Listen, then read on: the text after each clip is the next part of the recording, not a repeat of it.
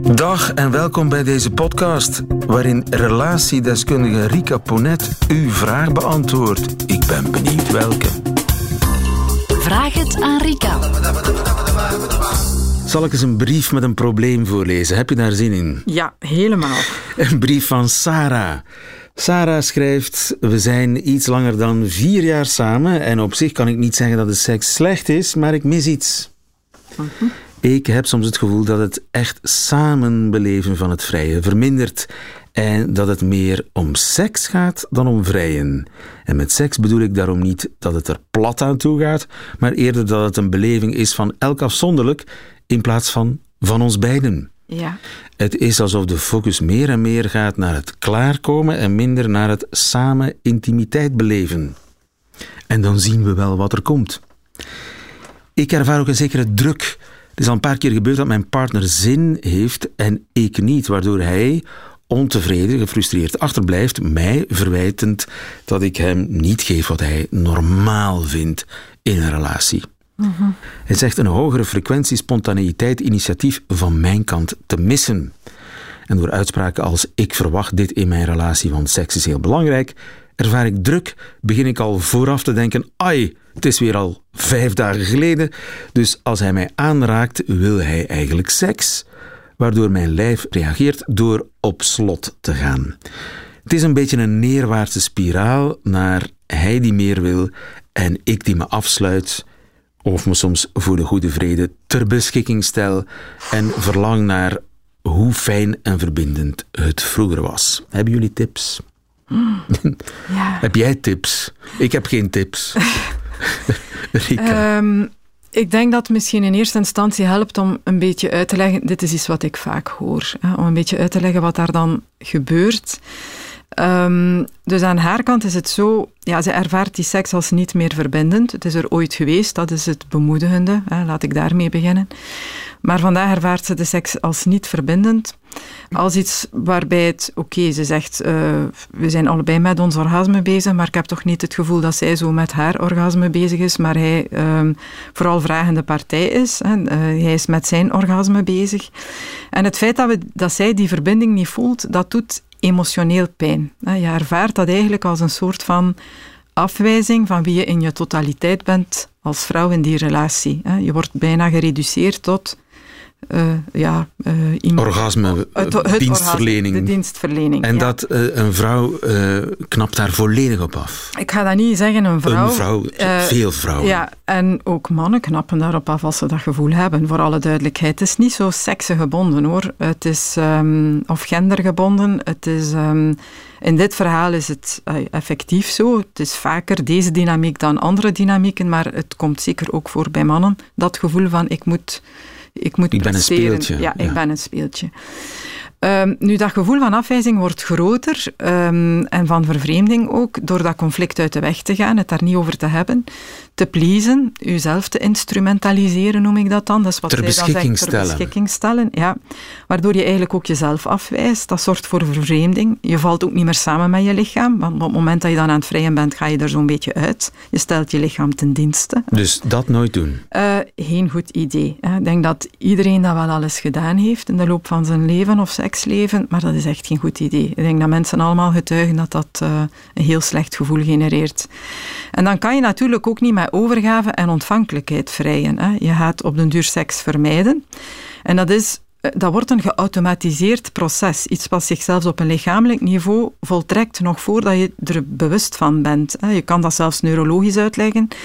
Je lichaam, je hoofd gaat dan in een soort van vluchtreflex. Dat is een parasympathische lichaamstoestand, noemen we dat.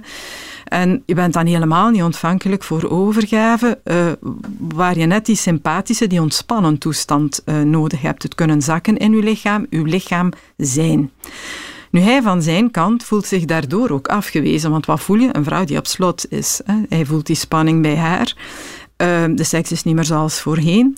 En hoe probeert hij alsnog um, ja, ervoor te zorgen dat dat toch uh, nog goed komt, dat is door aan te vallen. Hè. Zij trekt zich terug, zij gaat vermijden, hij probeert aan te vallen. Hè. Um, je doet het niet goed, je doet het niet vaak genoeg, je voldoet niet als seksuele partner, je bent niet spontaan. Waardoor zij um, natuurlijk nog meer nog zich meer terugtrekt. Zich terugtrekt ja. Uh, terwijl de onderliggende boodschap eigenlijk is, uh, zie mij graag. Hè. Ik wil eigenlijk verbinding ervaren aan beide kanten.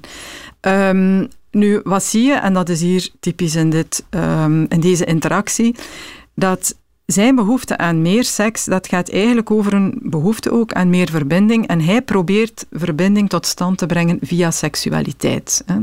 Uh, ik voel me niet verbonden met mijn partner, maar door te vrijen heb ik het gevoel dat er verbondenheid ontstaat. Ja. En dan voel ik mij goed in mijn relatie. Ja, aan haar kant is het precies andersom. En aan haar kant is het andersom. Ja, um, aan haar kant is het zo dat zij. Eerst verbondenheid en dan pas en, seks. En dan pas seks. Seks is eigenlijk een bekroning van die verbondenheid. Mm -hmm.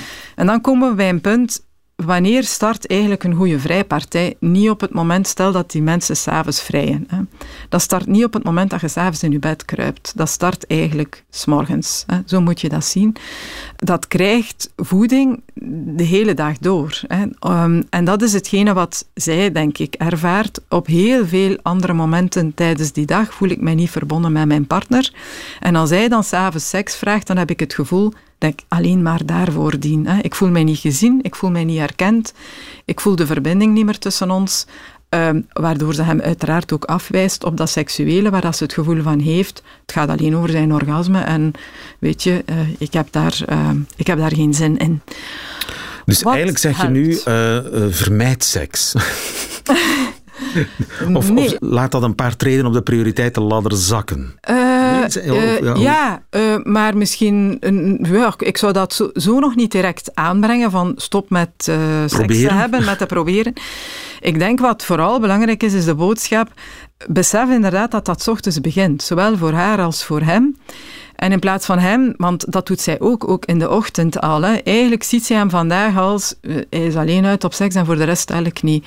Um, durf te erkennen, ik heb een, een, een, behoefte aan meer verbinding, aan het gevoel van verbondenheid. En hoe kan je dat realiseren? Ja, door al de dingen die je in het begin van je relatie doet, door die te gaan doen.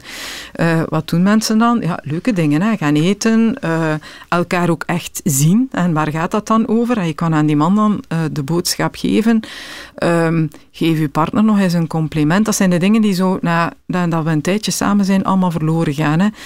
Um, ja, je hebt mooie schoenen aan, of ik vind dat je daar goed mee staat met dat kleedje. Het klinkt wat banaal en onnozel, maar dat gaat er eigenlijk over telkens opnieuw weer de ander het gevoel geven, ik zie u, ik ben mij bewust van u.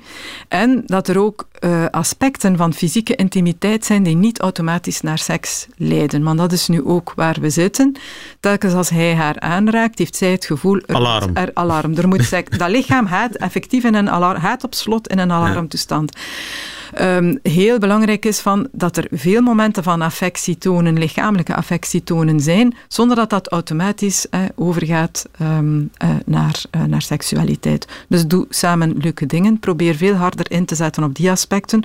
We zijn nog maar in het vierde jaar van een relatie, dus ik denk dat dat zeker op tijd is om dat nu nog zelf te doen. En daarvoor hoeven mensen niet in therapie. Het gaat erover van oké, wij zijn ons terug bewust van het feit dat onze relatie ook op al die andere domeinen voeding nodig heeft. We zijn al een stuk uit het oog verloren. En dan zie je, als dat op die niveaus gevoed wordt, dat het automatisch ook uh, beter gaat in bed. Hè? Dat er een grotere ontvankelijkheid is, een grotere openheid is, ook op het moment dat er dan gevreden wordt. Ja, wij duimen voor jullie. Ja. Dankjewel uh, voor je vraag, Sarah. Heeft u zelf een vraag voor Rika Ponet? Stuur ze dan naar nieuwefeiten.radio1.be. En wie weet hoort u het antwoord in een volgende podcast. Namen worden sowieso veranderd.